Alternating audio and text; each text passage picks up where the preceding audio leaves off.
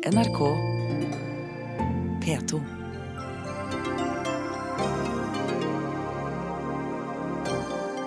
«20 millioner berørt av tyfonen. Frykt for at anslaget på 10 000 omkomne må oppjusteres kraftig. Hva slags hjelp trenger Filippinene? Børge Brende møtte landets viseutenriksminister i dag. Regjeringens statsbudsjett er et stort tilbakeskritt for klima, hevder Naturvernforbundet. Det mener ikke miljøvernministeren. Regjeringens veisatsing er ikke digget mageplask, mener Trygve Slagsvold Vedum. Det mener ikke samferdselsministeren. Regjeringens kutt i pressestøtten er dramatisk, sier sjefredaktøren i Vårt Land. Det er det ikke, svarer statssekretær Knut Olav Åmås.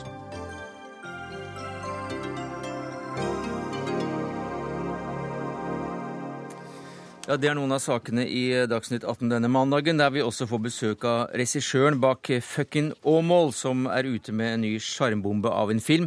Denne basert på konas tegneseriefigurer. Men først til Filippinene, der området nærmest er jevnet med jorden. 20 millioner kan være påvirket av tyfonen, og ingen vet hvor mange tusen som er omkommet. NRKs Asia-korrespondent Anders Magnus, du har kommet deg fram til Cebu på Filippinene. Hva skjer inni området som er hardest rammet nå? Altfor lite. Det er ikke så mange som har kommet fram med hjelpesendinger. Det er flybåren hjelp foreløpig man er avhengig av. Nå er det nok mange som forsøker å laste opp skip for å komme inn, bl.a. et norsk skip som skal inn der med forsyninger, men de kommer ikke inn før på fredag morgen.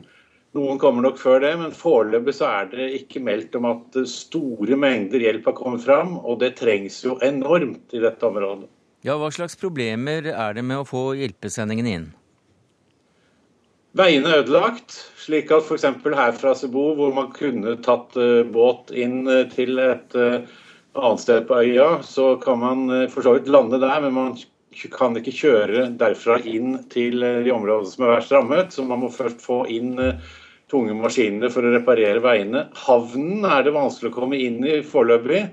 Det må bygges og renses i havnen før skipene kan komme inn. Og det er begrensning hvor mye fly man kan få inn fordi at flyplassen er fullstendig ødelagt. Hva gjør myndighetene for å få en oversikt? De har jo hatt en del patruljer inn i området, helikopterturer òg. Bl.a. så har presidenten sett området fra helikopter. Men det vi får greie på mer og mer, er at de egentlig vet svært lite om det som har foregått i mer avsigelsesliggende områder. Man vet mye nå om hva som har skjedd i Takloban, som er den største byen i området, men det er mange små øyer hvor det ikke har vært en eneste myndighetsrepresentant. Så det er ventet at dødstallene kommer til å stige enormt når man får en oversikt over hele området. Takk skal du ha, Anders Magnus fra Cebu. Jan Egeland, du er generalsekretær i Flyktninghjelpen. Og for ti år siden var du FNs visegeneralsekretær for humanitære spørsmål og koordinator for nødhjelp, som stillingsbeskrivelsen het. Og dette er en nivå tre-krise, altså det høyeste. Hva, hva betyr det? Det betyr at eh, megakrisen er så stort, den er så kompleks, den omfatter så mange, eh, at hele det humanitære systemet skal gå inn i en slags kommandostruktur, hvor da FN-organisasjoner og alle frivillige organisasjoner som slutter seg til systemet, tar kommando og slutter seg til koordinering, og, gir sine ressurser inn i potten. Men hva slags muligheter eller mandat eller mekanismer er det som da trer i kraft når en sier at dette er nå nivå tre? At man har blitt enige, FN-organisasjonene seg imellom, og også denne Interagency Standing Committee, altså de ulike de tre paraplyene, FN-paraplyen, de frivillige organisasjoner, ikke-statlige organisasjoners paraply, sammen med Røde Kors og Halvmåne-paraplyen, som sier vi vil også koordinere oss med, men ikke av FN.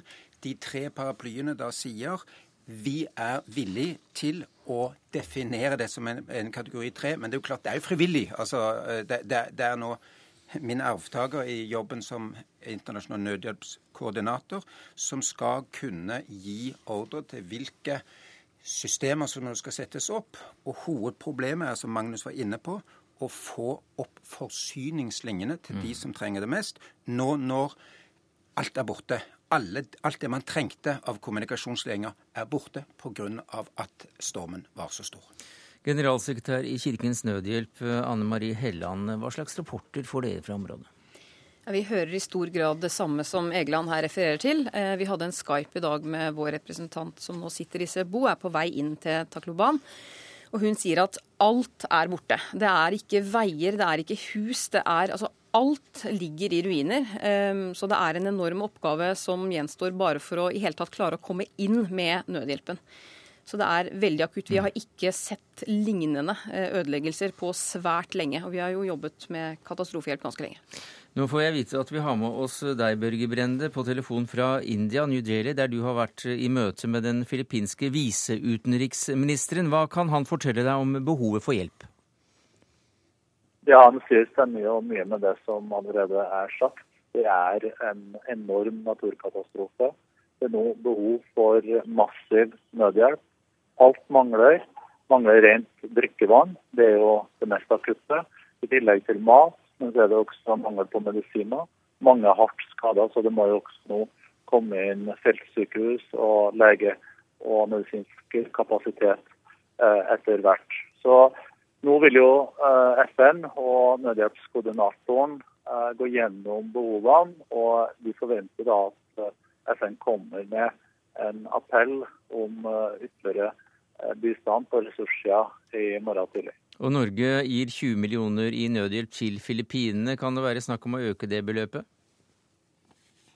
Dette er en så stor katastrofe at det vil ta mange dager før man får full oversikt over den. Og det vil trengs mye mer ressurser enn hva som uh, er lagt på bordet nå. Og det er klart Norge vil også stille opp fremover. Vi vil støtte opp om norske organisasjoner som da ønsker å hjelpe, og vi vil også bidra gjennom FNs ulike organisasjoner. Og Det vi ser nå, jeg akkurat med den malaysiske utenriksminister, de mobiliserer nå for fullt og får også da både militære fartøy og annen kapasitet som Malaysia besitter, som ikke er så langt unna området til nå å rykke inn. Og Det trengs, for det vil ta dager for Filippinene å selv eh, kunne få inn den nødhjelpa. Selv om den skulle ankomme, det er det altså en enorm eh, logistisk eh, utfordring som man nå eh, står overfor. Og mange av disse menneskene eh, trenger akutt bistand. Det skal være rundt 3000 nordmenn spredt rundt uh, i denne øynasjonen. Hva blir gjort for å få oversikt over disse?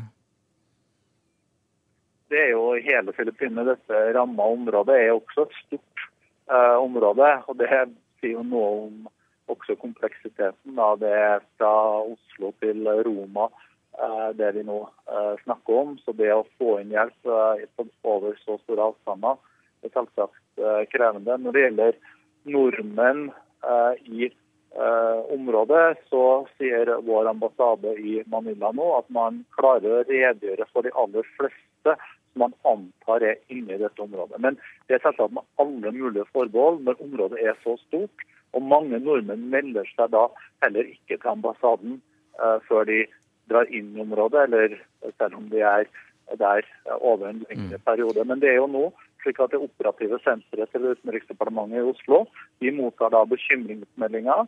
Uh, og så jobber man tett sammen med ambassaden i Manila for å sjekke ut dette. Og da er konklusjonen så langt at man klarer å redegjøre for de aller fleste.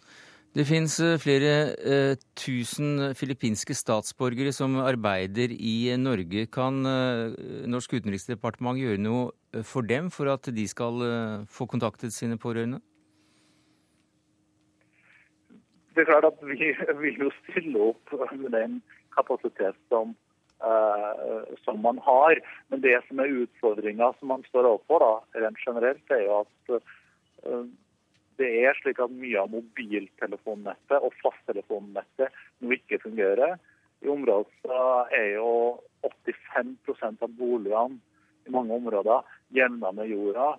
Eh, det er jo over 10 000 som avfall har mista livet. Dessverre ser det ut som tallene blir større. Så vi må være klar over at selv om man da tar opp uh, denne type problemstillinger med Utenriksdepartementet, det er det problemet å komme i mm. kontakt uh, med folk. Takk skal du ha, Børge Brende fra New Delhi, Egeland. Vi hører altså at det er, det er, veier, og det er logistikken, det er telefonapparatsystemene. Alt sammen ligger, ligger, helt uh, nede. Og da virker det som om det trengs en slags militæroperasjon. Ja. Også en uh, ja.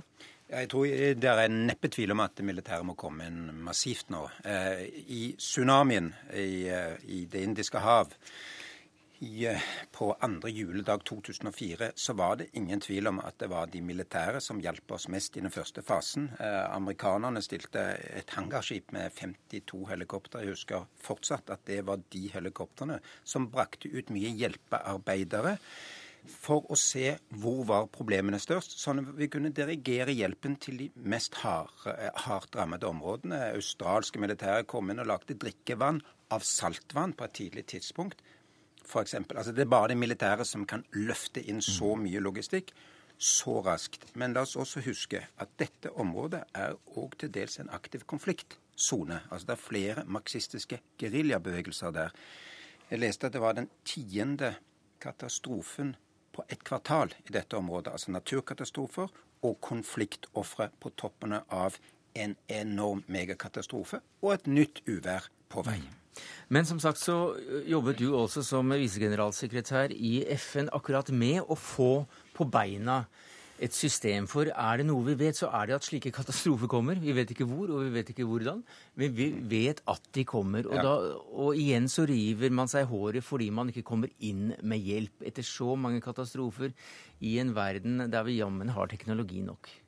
Ja, men, men det er også uendelig mye bedre enn det var bare for 10-20 år siden. Altså For det første er det nå et nødhjelpsfond, som bl.a. Norge har bidratt mye penger til, som umiddelbart kommer til å sette titalls millioner kroner eh, til, direkte til f.eks. logistikkarbeidet. Få inn helikoptre, få landingsfartøyer oss så videre. I tillegg er hjelpesystemet organisert i clustere, altså klynger av organisasjoner. Noen er ansvarlig for vann og sanitær, noen for mat, noen for ernæring, noen for eh, skole for barn, noen for beskyttelse av barn og kvinner som kan bli fritt rov nå for menneskehandlere og andre. Så organisasjoner har organisert seg bedre, og det er også bedre ledelse. Det er allerede en veldig klar humanitær koordinator i Manila, som er leder for FN-systemet, som også sluttet eh, tilknyttet seg eh, de frivillige organisasjonene, som Kirkens Nødhjelp, som er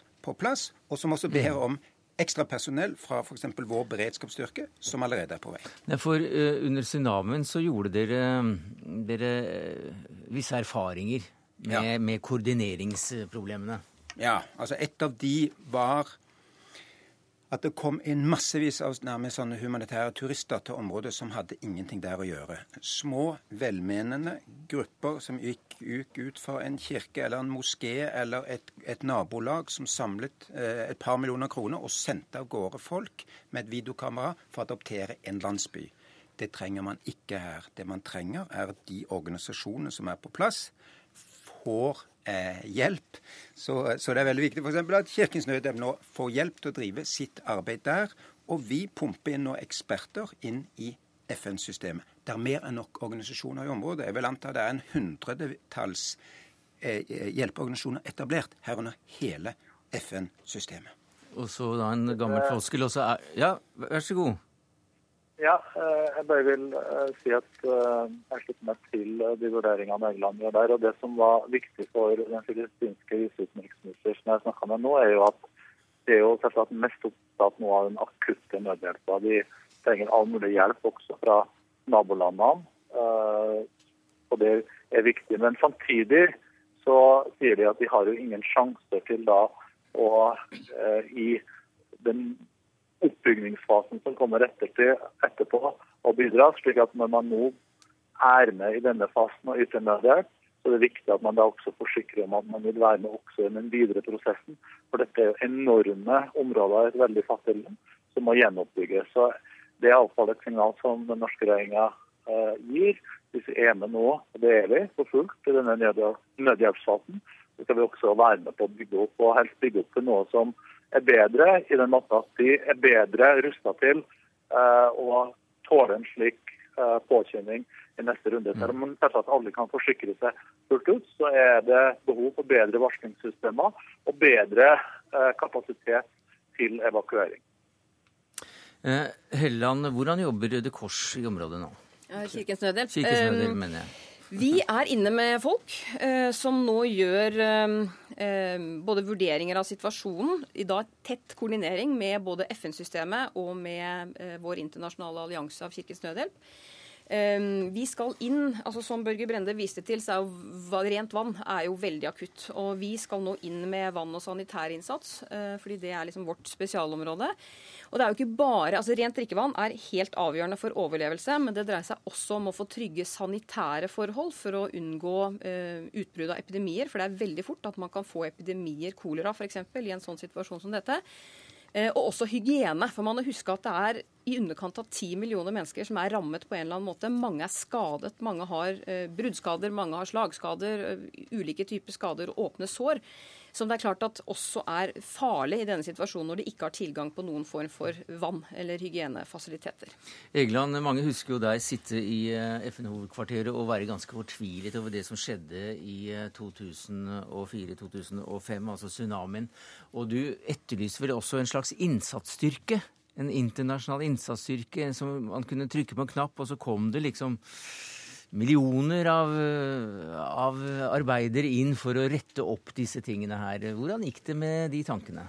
Ja, altså Jeg trodde vel aldri at det skulle komme direkte roboter ut av, av, av dette, dette, systemet. Men eh, det, som, det, det, ble da altså en svær humanitær reform. Et, et forutsigbare penger gjennom et nødlemsfond til første fasen. Så i tillegg til at Norge gir en første bidrag og komme opp med nye penger, så har FN stilt til disposisjon for alle de organisasjonene som trenger penger for å gå i gang.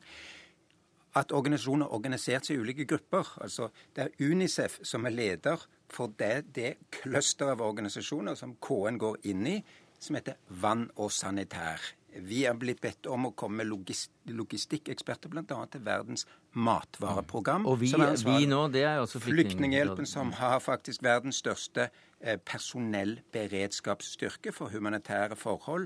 Nordkaps.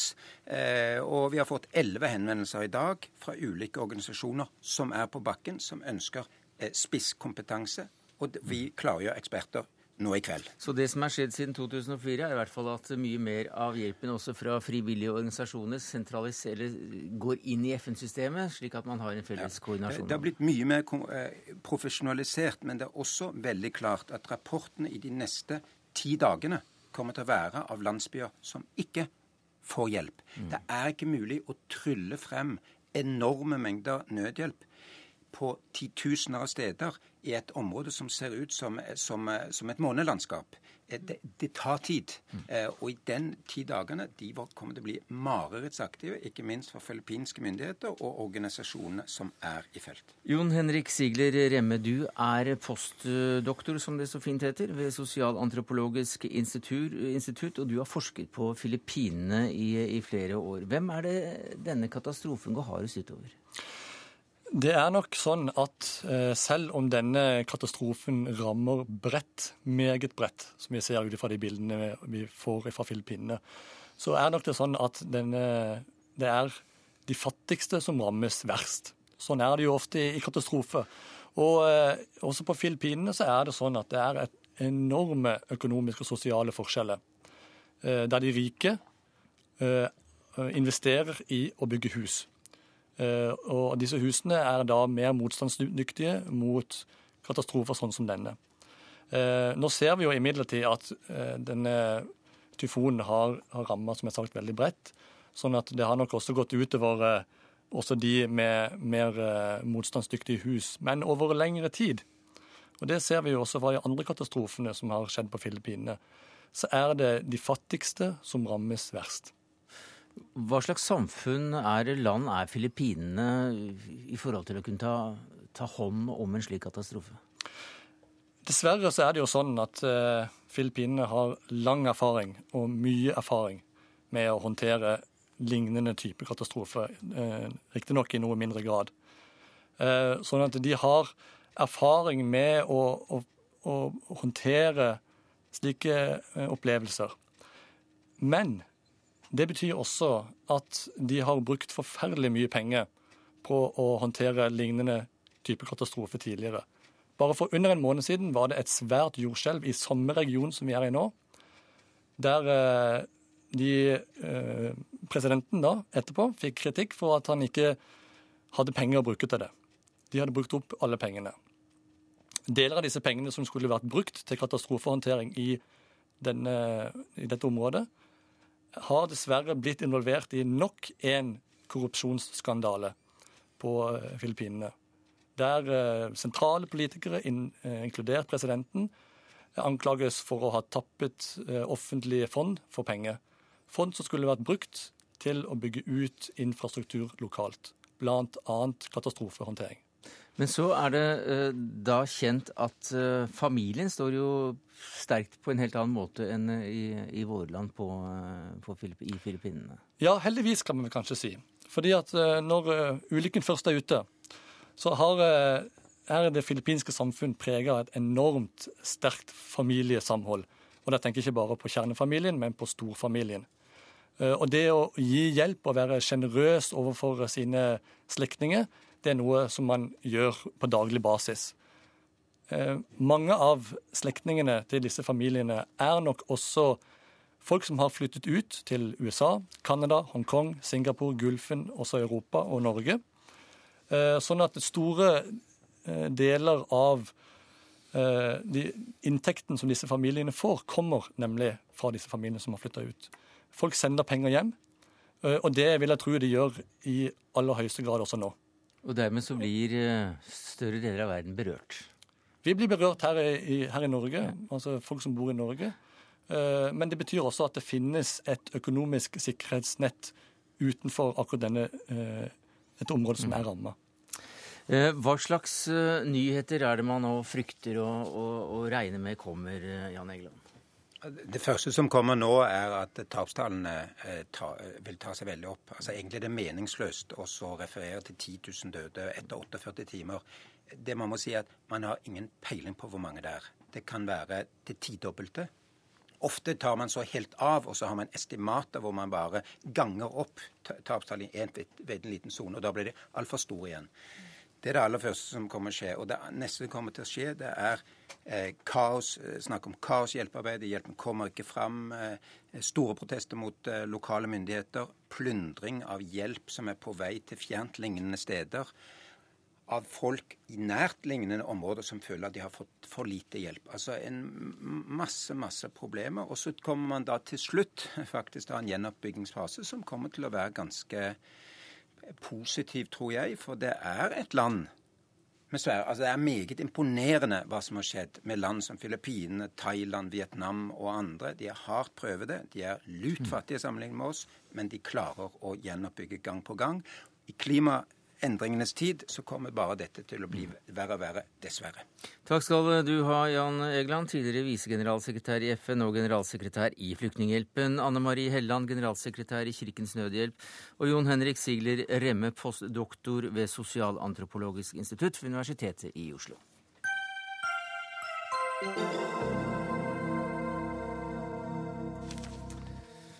Noe av det siste Egeland sa her, det var at slike katastrofer kommer vi til å se mer og mer av. Og i Warszawa så startet altså da klimatoppmøtet i dag. Og hvordan preget tyfonen på Filippinene åpningsdagen? Lars Haltbrekken, leder av Naturvernforbundet, du har ferske rapporter fra møtet. Ja, Forhandlingslederen fra Filippinene holdt et meget gripende, tåredryppende innlegg hvor han fortalte om eh, situasjonen i sitt hjemland. Uh, om hus som har forsvunnet, om slektninger han ikke får eh, kontakt med. Eh, og situasjonen var veldig alvorlig. Eh, det ble også da tatt tre minutts stillhet under møtet pga. det som har skjedd. Eh, og man er jo klar over at denne type naturkatastrofer kommer vi til å se mer av. I alle fall dersom vi ikke klarer å få gjort noe med de alvorlige eh, klimaendringene. Og forhandlingslederen fra Filippinene sa også at han nå kom til å faste fram til det er en skikkelig framgang i de internasjonale klimaforhandlingene. Ja, Hvor lenge kommer han til å være sulten da, klima- og miljøvernminister Tine Sundtoft? Eh, det som skjer på Filippinene gir jo et ganske alvorlig bakteppe for klimaforhandlingene. Det gjør nok at diskusjonen rundt om dette er menneskeskapt eller ikke nå er passé, og at vi må gjøre noe både internasjonalt og nasjonalt for å nå togradersmålet. Hvis vi får tid, så skal vi komme tilbake til klimakonferansen. Men eh, la oss eh, ta et skritt tilbake, for i dag klokka ni blank så gikk startskuddet for budsjettforhandlingene. Regjeringen, Venstre og KrF har frist til 20.11. på å gi landet vårt et statsbudsjett for 2014. Men ifølge miljøbevegelsen så bør altså disse forhandlingene bli svært tøffe. For uh, Lars Haltbrekken, du hevder at budsjettet er et stort tilbakeskritt for klima og natur. Hvordan da? Vi ble jo lovt en mer ambisiøs eh, klimapolitikk av eh, Høyre under valgkampen. Og i Sundvolden-plattformen så står det også at man skal forsterke klimaforliket.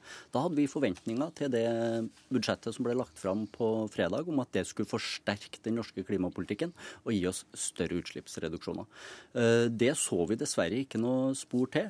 Det vi så i stedet, var at regjeringa kutter over 160 millioner kroner i bistand til de fattige som skulle hjelpe dem med å få tilgang på ren eh, energi. Vi så at man kutta 400 millioner kroner i regnskogsatsinga. Vi så at man eh, gjør det dyrere eh, å drive med energieffektivisering, som etterisolering, eh, utskifting av vinduer, til tross for at det er lovt skattefradrag. Og vi så også at bilavgiftene ble noe endra, sånn at store bensinslukende biler ble billigere, mens da de mer miljøvennlige bilene ble dyrere. Og Derfor er altså konklusjonen til miljøvernorganisasjoner at dette er tilbakeskritt, klima- og miljøvernminister Tine Sundtoft. Ja, og Jeg er naturlig nok helt uenig med Lars Haltbrekken i det.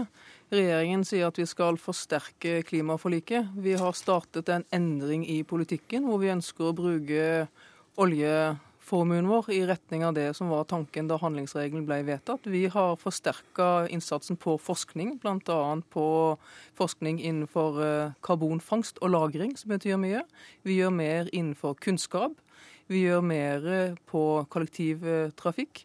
Og ikke minst så har vi begynt i retningen av vekstfremmende skattelettelser, som gjør også at eh, todelingen i norsk økonomi er noe mindre enn ved den andre politikken. Men du hørte jo hva Haltbrekken eh, nevne av eh, opplysninger som går i den andre veien? Ja, jeg kan ta ett av de. Det med regnskogsatsingen. Det Haltbrekken vet, hvis han har lest det ganske nøye, er at det står helt tydelig at vi skal fortsette den satsingen fram til 2020. Og er det gode prosjekter i 2014, så økes den bevilgningen fra 2,6 milliarder til 3 milliarder. Men det er jo klart det sender jo et signal til verden når man faktisk da kutter 400 millioner bare få dager før uh, det viktigste toppmøtet som er uh, i år, uh, klimatoppmøtet. Men man gjør ikke bare det, man kutter også da 160 millioner kroner i det som vi skulle bruke på å sikre verdens fattigste tilgang på ren energi, sånn at de kunne ha en velstandsutvikling uten de samme katastrofale virkningene på klimaet som vår velstandsutvikling har. Så gjør man det da dyrere å spare på strømmen, og man gjør det dyrere å kjøpe de mest miljøvennlige eh, bilene. Eh, forskning er vel og bra, eh, og det er fint at man skal gjøre mer av det. Men situasjonen krever at vi handler, at vi faktisk kutter utslippene. Og når man da har lovt å komme med et mer ambisiøs eh, klimapolitikk enn de foregående, ja, så bør man gjøre det. Men det vi håper på nå, er jo at Venstre og Kristelig Folkeparti kan få gjennomslag i uh, forhandlingene for å uh, få tatt noen skritt i riktig retning, som vi er helt avhengig av. Eh, det Haltbrekken unnlater å nevne, er en satsing på Norfond, som jobber bra i forhold til bedre teknologi i utviklingslandene. Noe av det de virkelig trenger, er jo teknologi for, i forhold til fornybar energi. Så noe går også i bra retning. Vi har sagt at vi skal forsterke klimaforliket. Haltbrekken vet også at det er begrensa hva du klarer å gjøre endringer i løpet av tre uker. Vi har starta en endring nå på å invitere til å gå i retning lavutslippssamfunnet. Vi sier at vi kommer til å bruke skatte- og avgiftspolitikken på dette. Vi har tro på markedet. Vi ser nå at næringslivet jobber veldig bra med nye produkter. Og vår politikk kommer til å være med å understøtte det. Litt vel utålmodig? Eh, helt klart, vi er kjempeutålmodige. Eh, men eh, jeg skal gi miljøvernministeren rett i det at det er lite man får til på tre uker. Men man kunne i hvert fall ha latt være å svekke svekka de eh, miljøsatsingene som tross alt lå i den forrige regjeringas budsjett, som 160 millioner ekstra da, i energibistand til fattige, økt satsing på energieffektivisering eh, osv. Man kunne i hvert fall ha latt være å svekke det som man faktisk eh, da har gjort, og så kunne man heller ha prøvd å komme f.eks. med noe av det som er bra i Sundvolden-plattformen, som er skattefradrag for energieffektivisering i de tusen hjem som da er hvis du etterisolerer huset ditt, hvis du skifter ut vinduene, så skal du få uh, skattefradrag uh, for det. Den skattelettelsen kom dessverre ikke nå. Man skal utrede. Det vi frykter, er jo uh, at man nå da får en pause i den uh, satsinga, for at folk blir sittende og vente på dette. Og da bør man i hvert fall si til folk at Kom igjen, gå i gang med jobben. Etterisoler husene deres, ta vare på kvitteringene, og så skal dere få tilbakebetalt dette senere. Men her vet også Haltbrekken at vi trenger litt tid på å gjøre dette på en ryddig og robust måte. Vi ønsker ikke at det skal være et generelt skattefradrag for oppussing av eiendommene, men det skal være noe som gir gode resultater i forhold til energieffektivisering. Dette kommer vi tilbake til. Og vi vet også at når det signalet er sendt ut, så er det en utfordring i forhold til markedet og hvordan forbrukerne forholder seg til det. Så vi vet at vi kan ikke vente for lenge med det. Ja, For nå sitter jo alle de som har tenkt å investere i eh, varmepumper eller hva det skal være etter isolering, nå sitter de bare og venter på at dere skal bestemme dere ordentlig. Eh, det er vi veldig klar over. Men det at du har god politikk i en regjeringsplattform, kan ikke være til hinder for eh, at vi må ha liksom litt tid for å komme tilbake. Vi kommer til å også sette ned en grønn skattekommisjon. Vi har tro på å bruke skatter og avgifter for å få til en endring som er nødvendig for å få en robust klima- og miljøpolitikk. Her nikkes det fra Naturvernforbundets side, så tolk det som du vil. Vi skal komme tilbake, kraftig tilbake til, eh, til klimaforhandlingene i Warszawa når den runden er kommet godt i gang. En så lenge. Takk skal du ha, Lars Haltbrekken, leder i Naturvernforbundet, og Tine Sundtoft, klima- og miljøvernminister. Hør Dagsnytt 18 når du vil, på nettradio eller som podkast. nrk.no – dagsnytt 18. Mer statsbudsjett. For ikke uventet eh, var de som hadde skrevet originalen til proposisjon til Stortinget nummer 1, parentes Prop 1 S gul bok, ikke helt fornøyd med det de blå hadde lagt eh, til og tatt bort. Og Trygve Slagsvold Vedum, du sitter nå i finanskomiteen for Senterpartiet og kaller samferdselsbudsjettet for et mageplask. Hvorfor det? Ja, Det er jo ikke digent mageplask. Også i juni for kun eh, tre-fire måneder siden så var Frp ute og lovde 45 milliarder kroner mer årlig. Og så kom det halvannen milliard. I 2005, når vi gikk i regjering, så lovde vi 5,7 milliarder kroner mer til kommunene i juni i kommuneproppen, og så kom det 5,7 milliarder. Siv Jensen var ute i sommer og sa gratis skulle være skiltet på alle bompengeprosjekter. Og så ble bompengeandelen redusert med 0,3 så det er jo et gedigent mageplask, og jeg kan ikke skjønne at Frp kan være stolte av det her. Det gjennomslaget de har fått i budsjettet, så skulle man tro at det var en sånn 2 %-parti. 2 %-parti, samferdselsminister Ketil Solvik-Olsen, hva sier du? Nei, for meg, Dette blir en litt barnslig debatt. Det blir litt som når en taper i en fotballkamp sier ha-ha, du vant bare 4-0 over meg, du kunne vunnet 6-0. Uh, uansett, Fremskrittspartiet har klart å sørge for at det kommer 1,5 milliard kroner mer til samferdsel på toppen av et budsjett som i utgangspunktet var ganske godt. Det var en betydelig økning på jernbane, en mindre økning på vei. Men til tross for altså at samferdsel gjorde det greit under de rød-grønne, så klarte vi å styrke det ytterligere. Og Det betyr at for 2014 så er det nesten 10 milliarder kroner mer i Samferdselsdepartementet enn det det var i fjor. Ergo så er det ikke snakk om bare 1,5 milliard mer, men 10 milliarder mer. Det er ikke verst på tre ja, men, det, men det viktigste var jo det vi gjorde først. Og så lovde jo Frp 45 milliarder i juni. Og det vi må måle Frp på, er hva de har lovd.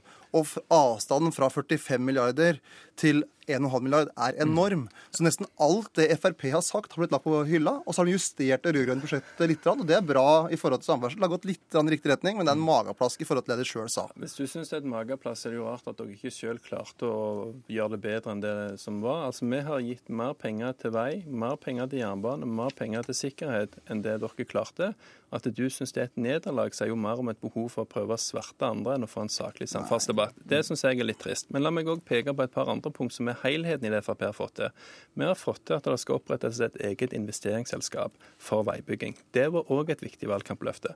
Vi har fått til at det skal opprettes et infrastrukturfond for å finansiere ulike infrastrukturprosjekt. Det var et valgløfte. Det har vi fått til. Vi har fått et valg, en gjennomslag i regjeringsplattformen for at vi nå skal begynne å øremerke en del bilrelaterte avgifter til veiformål. Så vi har altså vunnet på de tre. På bompenger så har vi fått gjennomslag, men vi har ikke vunnet alt. Det er helt riktig. Og jeg, altså Slagsvold Vedum her eh, beskriver jo her hvordan de rød-grønne hele veien fokuserer på sine nederlag og andres nederlag. Jeg fokuserer på hva vi får til, hvilke prosesser vi setter i gang. Vi har et fireårsprosjekt på gang. Jeg lar meg ikke vurdere etter tre uker, men jeg konstaterer vi har fått til mye selv på bare tre uker. Men eh, for å ta et eksempel, da, så har vi jo stilt til disposisjon med Ketil Solvik-Olsen som samferdselsminister Litt over 12 milliarder kan man ta inn nå i bompenger neste år. Det er det Ketil Solvik-Olsen har lagt fram for, uh, for Stortinget. Nei, og så har han redusert, så har han redusert minus 35 millioner kroner. Nei, er feil du som sier. samferdselsminister har nå lagt til rette for at du kan ta inn over 12 milliarder kroner i, i bompenger neste år. Og det som er så utrolig, Nei. er jo at for noen få måneder siden så sa dere sjøl at det skulle være gratis å kjøre i alle norske bompengeringer neste år. Og det kommer ikke til å stå gratis i en eneste ring. Det kommer ikke til å være én bom som blir borte neste år, selv om dere lovde det på tro og ære med samferdselsministeren. Og det må dere være ærlige på og si at dere tok feil. Vår analyse var ikke riktig. Vi hadde ikke nok penger, vi hadde ikke mulighet til bom. Og vi har nå korrigert og er enige med de rød-grønne. Det er litt rart at eh, Senterpartiet gir inntrykk av at fordi at en har lovt noe, så skal en òg få gjennomslag, selv om en ikke får flertall for det. Fremskrittspartiet har lovt at vi kommer til å kjempe mot nye bomringer. Vi kommer til å kjempe for å fjerne de som er. Vi har allerede begynt å få gjennomslag. Vi fjerner bomringen, eller bomstasjonen på Seljord, som gjør at bilistene slipper å betale 500 millioner kroner i bomavgifter. Så må vi ta 300 millioner kroner over statsbudsjettet istedenfor. Men bare der har jo den norske befolkning, for den norske befolkning er både skattebetalere og bilister, spart rundt 200 millioner kroner i unødvendige bompenger, som handler om administrasjon og, og, og renteutgifter. Og så er det sånn at ja, Fremskrittspartiet har ikke fått gjennomslag for alt det vi har ønska.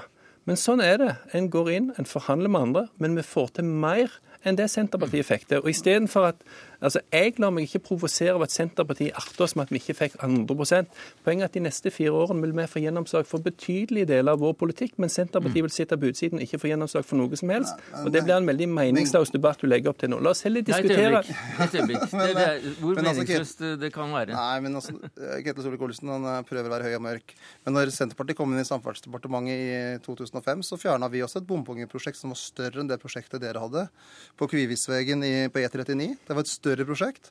Eh, Dere er veldig stolte av at dere fjerna det minste bompengeprosjektet man kan klare å finne i hele NTP. Neste år så sparer han ca. 35 millioner kroner eh, på det dere over budsjettet. Det er småpenger dere får inn.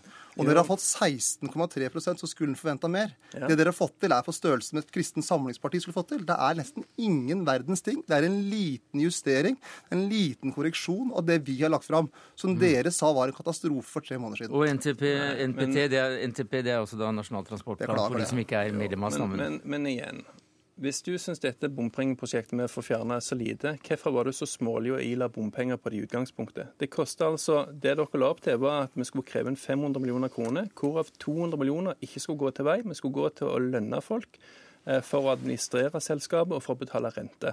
Det sier litt om den mentaliteten som Senterpartiet utvikler fra de da fjerna det første bomprosjektet, til de etterpå har vært med og innført 100 milliarder kroner i ytterligere bompengeforpliktelser. Nå har du for første gang fått en bompenge, eller en, en samferdselsminister som er imot bompenger, som kommer til å jobbe med dette. Men Senterpartiet og alle burde jo forstå hva det betyr å sitte i regjering der du vinner noen slag og du taper noen slag. Fremskrittspartiet har vunnet veldig mange, men vi har òg tapt noen. Og Derfor vil vi bruke de neste fire årene på å gjennomføre en bedre samferdselspolitikk, få bedre bevilgninger enn det Senterpartiet fikk. Det at han arter meg for at jeg bare vant 2-0 eller 3-1 og ikke 6-0, ja, det får være hans lille trøst.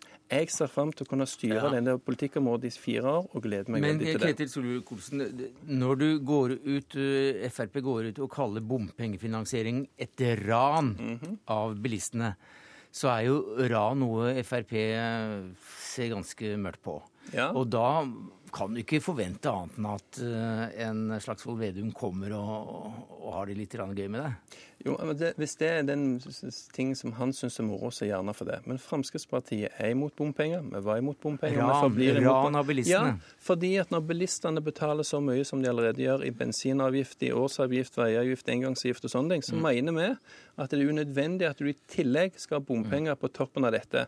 Derfor gikk vi til valg på å få fjerna det. Vi jobber fortsatt for det. Men det er ikke regjeringspolitikk? I, nei, jo, vår regjeringspolitikk er at andelen skal ned. Mm. Der har vi fått et gjennomslag. Dette ignorerer jo de. Ja, men poenget er at vi har nå fått snudd en trend som de rød-grønne kjørte fort, mm. full fart oppover. Den skal nå mm. nedover.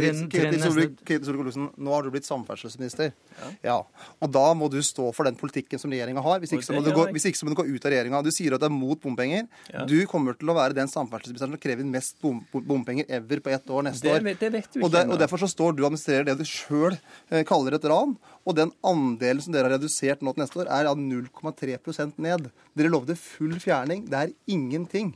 Mm. Og, dere, og, det som, eh, Hvis du tar oversetter veibevilgningen eh, til antall kilometer vei, så blir det kanskje 5-6 kilometer mer riksvei neste år. Mm. Det er svært lite, og det er selvfølgelig bra, men det er ikke noen revolusjon. Og det ble asfaltert ti mil mer enn det dere la opp til. Vi setter i gang mange flere nye veiprosjekt. Vi begynner å ta igjen tunnelsikkerhet etter slepet som dere hadde.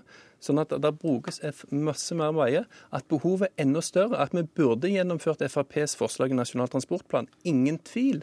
Men det fikk vi ikke gjennomslag. Men vi får gjennomslag for en mer offensiv veipolitikk, en mer mm. offensiv kollektivpolitikk, en mer offensiv jernpolitikk enn det Senterpartiet fikk.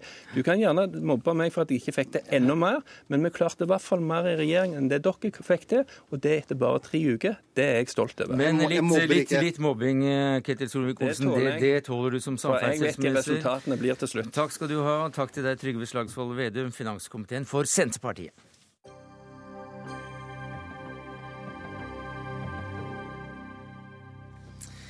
Ja, Som noen vil ha fått med seg, så la altså regjeringen fram forslag til endringer i statsbudsjettet sist fredag. Det var allerede varslet kutt i pressestøtten, og den kom. 50 millioner kroner mindre neste år enn det de rød-grønne hadde foreslått, og norske aviser får i dag i overkant av 300 millioner i produksjonstilskudd for å sikre mediemangfoldet her i landet. Knut Olav Åmås, du er statssekretær i eh, Kulturdepartementet. Hva er begrunnelsen for kuttet? Det er å modernisere mediepolitikken og få til en mediestøtte som eh, peker framover. Eh, som eh, oppmuntrer til innovasjon, og som også er enda mer målretta med hensyn til hvilke medier som trenger støtte mest. Ja, hva slags effekt tror du det vil få? Det kuttet som nå er foreslått? Vi tror ikke det vil få veldig dramatiske konsekvenser. Vi, vi har gjort simuleringer som som eh, gjør at vi tror vi skal finne innretninger på dette som er mest mulig eh, skånsomme. Men det er klart det er risikabelt for medier å sitte, sitte, stille og ikke gjøre noen tilpasninger eller, eller endringer i en, i en, så turbulent bransjesituasjon. Men det er, dette vet jo mediene selv også. Og det vet vel kanskje du også, da, Helge Simones, siden du er sjefredaktør i Vårt Land og konsernsjef i Mentor Media, som også da eier både Dagsavisen og Vårt Land. Eh, hva sier du til denne, dette kuttet? Ja, For å begynne med det positive. da. Jeg deler jo eh, Knut Olav Åmås sin eh, tanke om at det må bli reformer i media. Det har vi i pressen etterspurt i fire år fra den rød-grønne regjeringa. Det har ikke skjedd noe.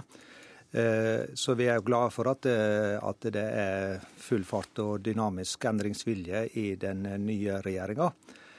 Men jeg opplever jo at de, de begynner totalt i feil ende.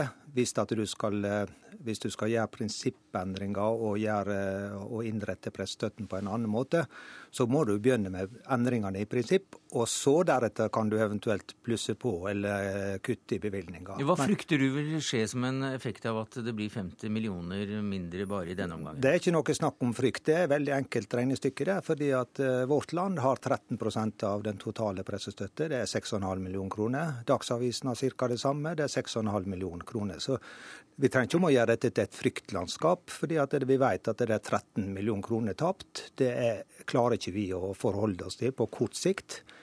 Og jeg håper jo inderlig at eh, eller jeg vet jo at det er ikke flertall for denne politikken på Stortinget. Alle de andre partiene mener jo noe annet om dette. Spørsmålet er om Høyre og Fremskrittspartiet klare å presse Venstre. Og, men, men, du frykter også for, for avisenes evne til å overleve? Selvfølgelig er det når du taper så mye penger, og du vet at veldig mye av kostnadene er knytta opp til papir og, og, distribusjon, så vet du hva du må kutte på. Det er jo folk. Er det en tilsiktet effekt å bli kvitt Vårt Land og Dagsavisen?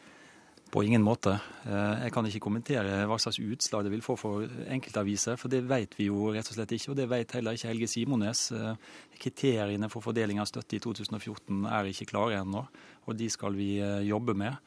Parallelt så jobber vi med å gjøre mediestøtten plattformnøytral, dvs. Si at digitale aviser skal gi like stort tilskudd som papiraviser. Og, og vi jobber på høytrykk med å gjøre Eh, innføre en felles lavmoms for, mm. Eh, for, aviser. Men Det siste skal vi komme tilbake til. Men eh, meningsmangfoldet er, er redaktøren her redd for?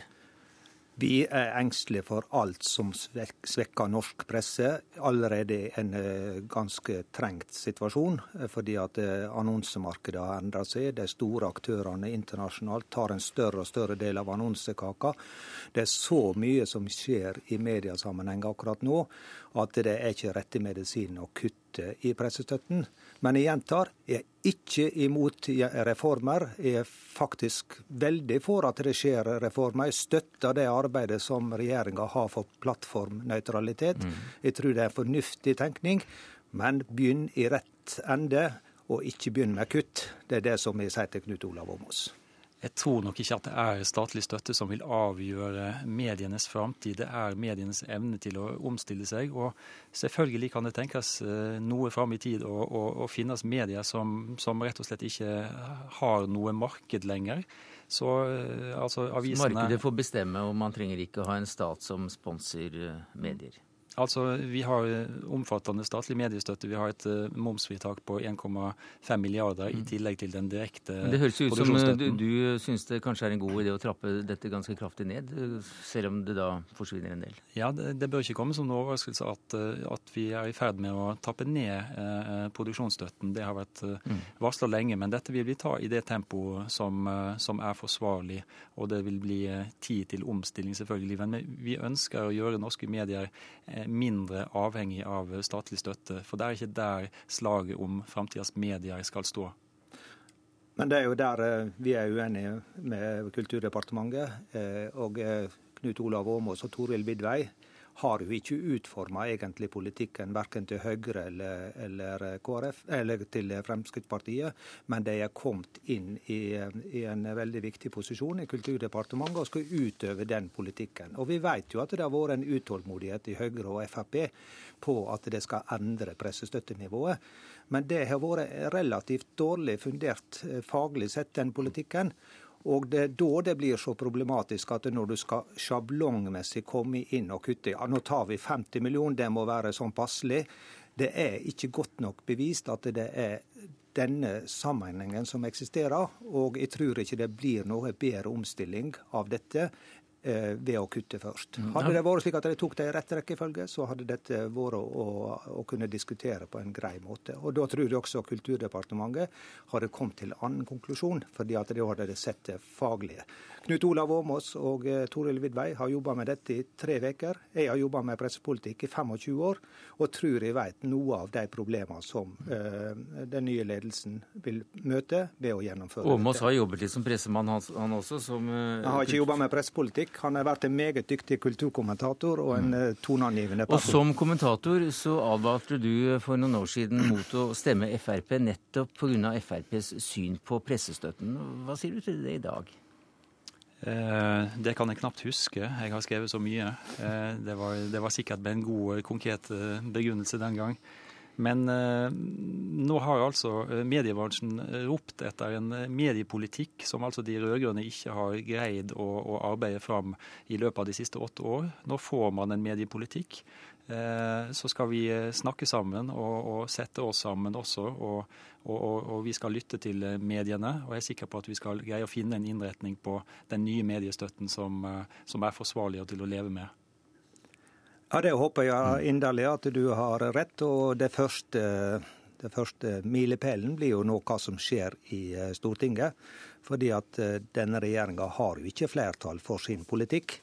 Og eh, jeg har jo et grunnleggende håp og tro på at norske politikere vil justere og moderere her, slik at vi kan få diskutere disse prinsippendringene i ro og mak. Det trenger vi, og det syns de også både leserne og mediene fortjener. Men da kan vi eh, se fram til å diskutere dette i ro og mak når eh, fasiten foreligger om ikke så veldig mange dagene. Takk skal du ha, Helge Simones, sjefredaktør i Vårt Land, konsernsjef i Mentor Medier, som eier Dagsavisen. Og Knut Olav Åmås, statssekretær i Kultur Kulturdepartementet. Hør Dagsnytt 18 når du vil, på nettradio eller som podkast. nrk.no – dagsnytt 18.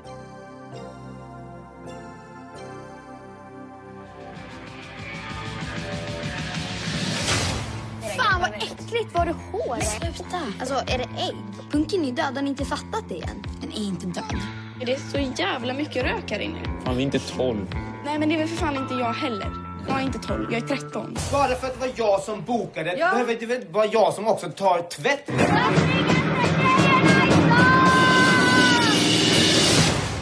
Ska spela? Det kan vi visst det. Jeg kan ikke spille bas. Og du kan ikke Hei og velkommen og gratulerer med ny film, med Lukas Moddison. Takk for det. Jeg kan ikke spille, sa en av hovedpersonene i filmen eh, din her. Og, og, og det er jo litt 80-tallet, det med punkbevegelsen som ga oss mange fine minner. Folk ja, som ikke kunne litt, spille. Det er litt nutid også. Jeg kan ikke mm. regissere, jeg filmer ennå. Ok. Det var en uh, erkjennelse som vi ikke tar videre her i dag. For du har nå laget en film basert på tegneserieskaperen Coco Madisons 'Aldri god natt'. Og hva slags historie er det? Eh, det är en berättelse om tre flickor som är 13 år gamla ungefär, 13-14, som startar ett punkband.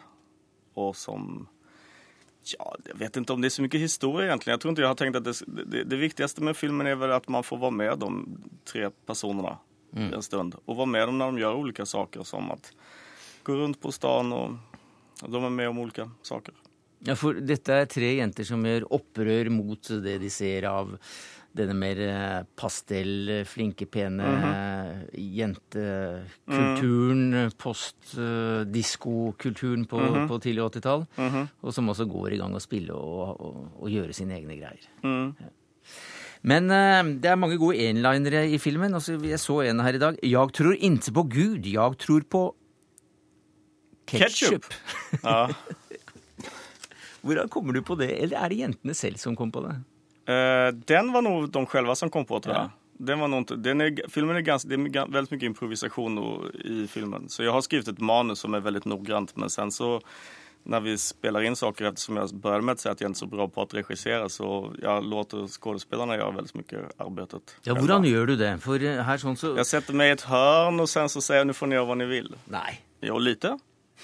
lite. Inte alltid. Ibland är jag väldigt noggrann. Men ofta säger jeg, nu får ni gjøre hva ni vil. Hvor, hvor mange hundre nei, nei, nei, nei, nei, nei, nei, er veldig, nei, det er veldig konsentrert. Okay. Det samtidig. Det er en merkelig konsentrasjon, det er en merkelig blanding av disiplin og kaos. Mm. De fleste eh, som har sett eh, noen av dine filmer her i Norge, har sett 'Fucking Åmål' eh, fra rundt 1990, var det det? Nei, det var fra 98. Ja. 98. Ja, og det var da 1990-type film. Og den er altså 600 000 nordmenn som har sett. Mm -hmm. Det var fantastisk. Så kom du med filmen 'Tilsammans' senere, fra, fra 70-tallet, skildret mm -hmm. 70-tallet. 400 000 nordmenn. Ja, men så blir det ikke nå lenger. Det var en, gammel, det var en annen tid. Nå, nå, er jeg glad om det er sju personer som ser mine filmer. Men det er altså 'Vi er best' heter årets film. Og den, den skildrer også da 80-tallet, disse tre jentene og, og 80-tallet. Og den har jo fått aldeles strålende kritikker. Allerede vunnet heder og ære og 50 000 dollar med en eh, festival i, to i Tokyo. Jo, det har vært merkelig. Jeg tror det var en veldig liten svensk film, fast den har virket som at den enn så lenge i alle fall har fått ganske mye oppskatning også utenlands. Ja. Solgt til ca. 50 land? det kanske är exotiskt med det svenska, jag vet inte. Men det var väldigt, Japan till exempel var väldigt oväntad och stor framgång faktiskt. Det var märkligt. Vegard Larsen, du er programleder i Filmbonanza på NRK2. Hva slags filmskaper er det vi har besøk av? Ja, det er litt symptomatisk det han sier, at han trodde at det var en liten svensk film. fordi det kan man jo si om uh, egentlig både fucking Åmål og 'Tilsammans' også. At uh, de i utgangspunktet kanskje trodde at det var en liten svensk film, men, men filmer som nådde ut svært, svært bredt. Uh, jeg vil beskrive Moddison som en ganske kompromissløs filmskaper. En filmskaper som er opptatt av å skape debatt, og som ofte også får det til. Uh, holder til på venstresiden eh, politisk og, og opptatt av, har vært opptatt av eh, innvandringsspørsmål, eh, feminisme, sånne ting. Ja, For disse tre filmene som vi har nevnt her nå, som også er klare publikumsfilmer Og i Norge får det ble avklart nå at det blir ingen aldersgrense. Alle kan gå og se den, den siste. Så her får Flåklypa en, en kraftig julekonkurrent. Men det er jo filmer der du blir så glad i figurene, og de er sjarmerende og frekke, og, og det de, er lett å, å, like. Mens noen av de andre filmene hans, de er ganske, ganske vonde, altså. Ja, altså det skjedde jo noe med filmene til Modison, og man stilte seg altså sånn i, i, publikum, hans store publikum, som antageligvis forelsket seg i filmene hans eh, med fucking Åmål til sammen, stilte nok spørsmålet hva er det som foregår eh, nå oppi hodet hans med, med, med, filmer som Et hull i mitt hjerte eh, og Lilja Forever? Eh, filmer som var ganske grafisk voldsomme, men også viktige, da. Sånn sett. Da, trafficking, baksiden av eh, Trafficking, pornoinnspilling i pornobransje. Eh, så, så, så, du går vel litt tilbake nå, egentlig, til der du begynte? Der du debuterte, gjør du ikke det?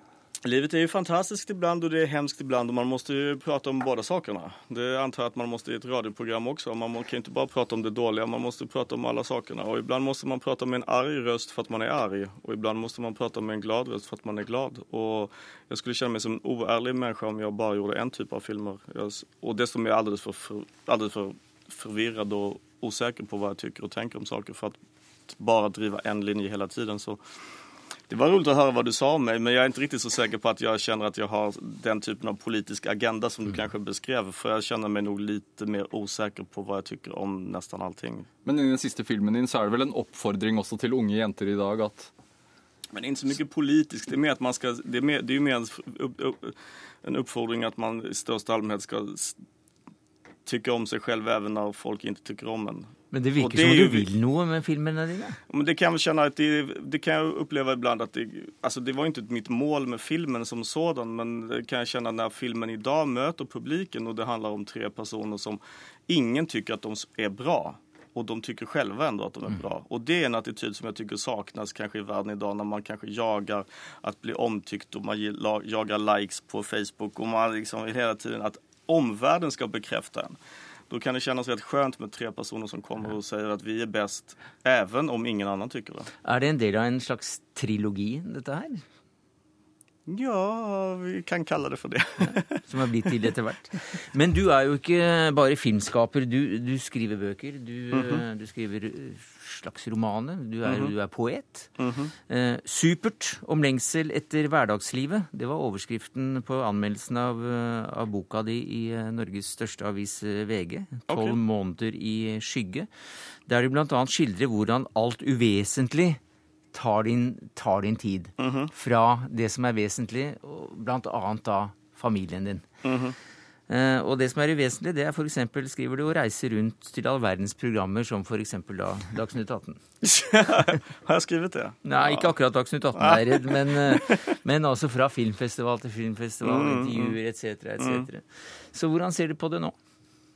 Nej, men jag tycker att det just nu tycker jag nog att det är bara en stor glädje och en, eh, jag känner bara mig stolt över att få vara med här och komma till Oslo. Och särskilt i dessa dagar när Magnus Carlsen spelar schack i Indien och är på väg att bli världsmästare så känner jag mig som att jag gärna skulle vilja vara norrman. Så jag är glad att få vara här. Mm.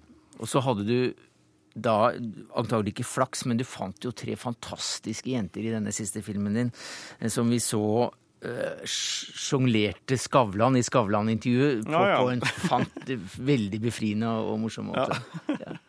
Så hvordan fant du dem? Eh, ja, man leter og leter og leter, og så til slutt så finner man dem, og så Ja, jeg vet ikke hva jeg skal si, men eh, vi treffer nok tusentalls tusentals uh, unge mennesker som og så er det på noe sett noen intuisjon som sier at mm. når noen titter på et visst sett, så, og noen ting, så mm. er det fantastisk. Vi er best, heter filmen. Takk skal du ha, Lukas Moddison, poet, forfatter, filmskaper. Og takk til deg, Vegard Larsen, programleder i Filmbonanza på NRK2. Det var det vi rakk i Dagsnytt 18 denne mandagen. Ansvarlig for det hele er Dag Dørum. Det tekniske ansvaret hadde Lune, Hanne Lunås. Jeg heter Sverre Tom Radøy.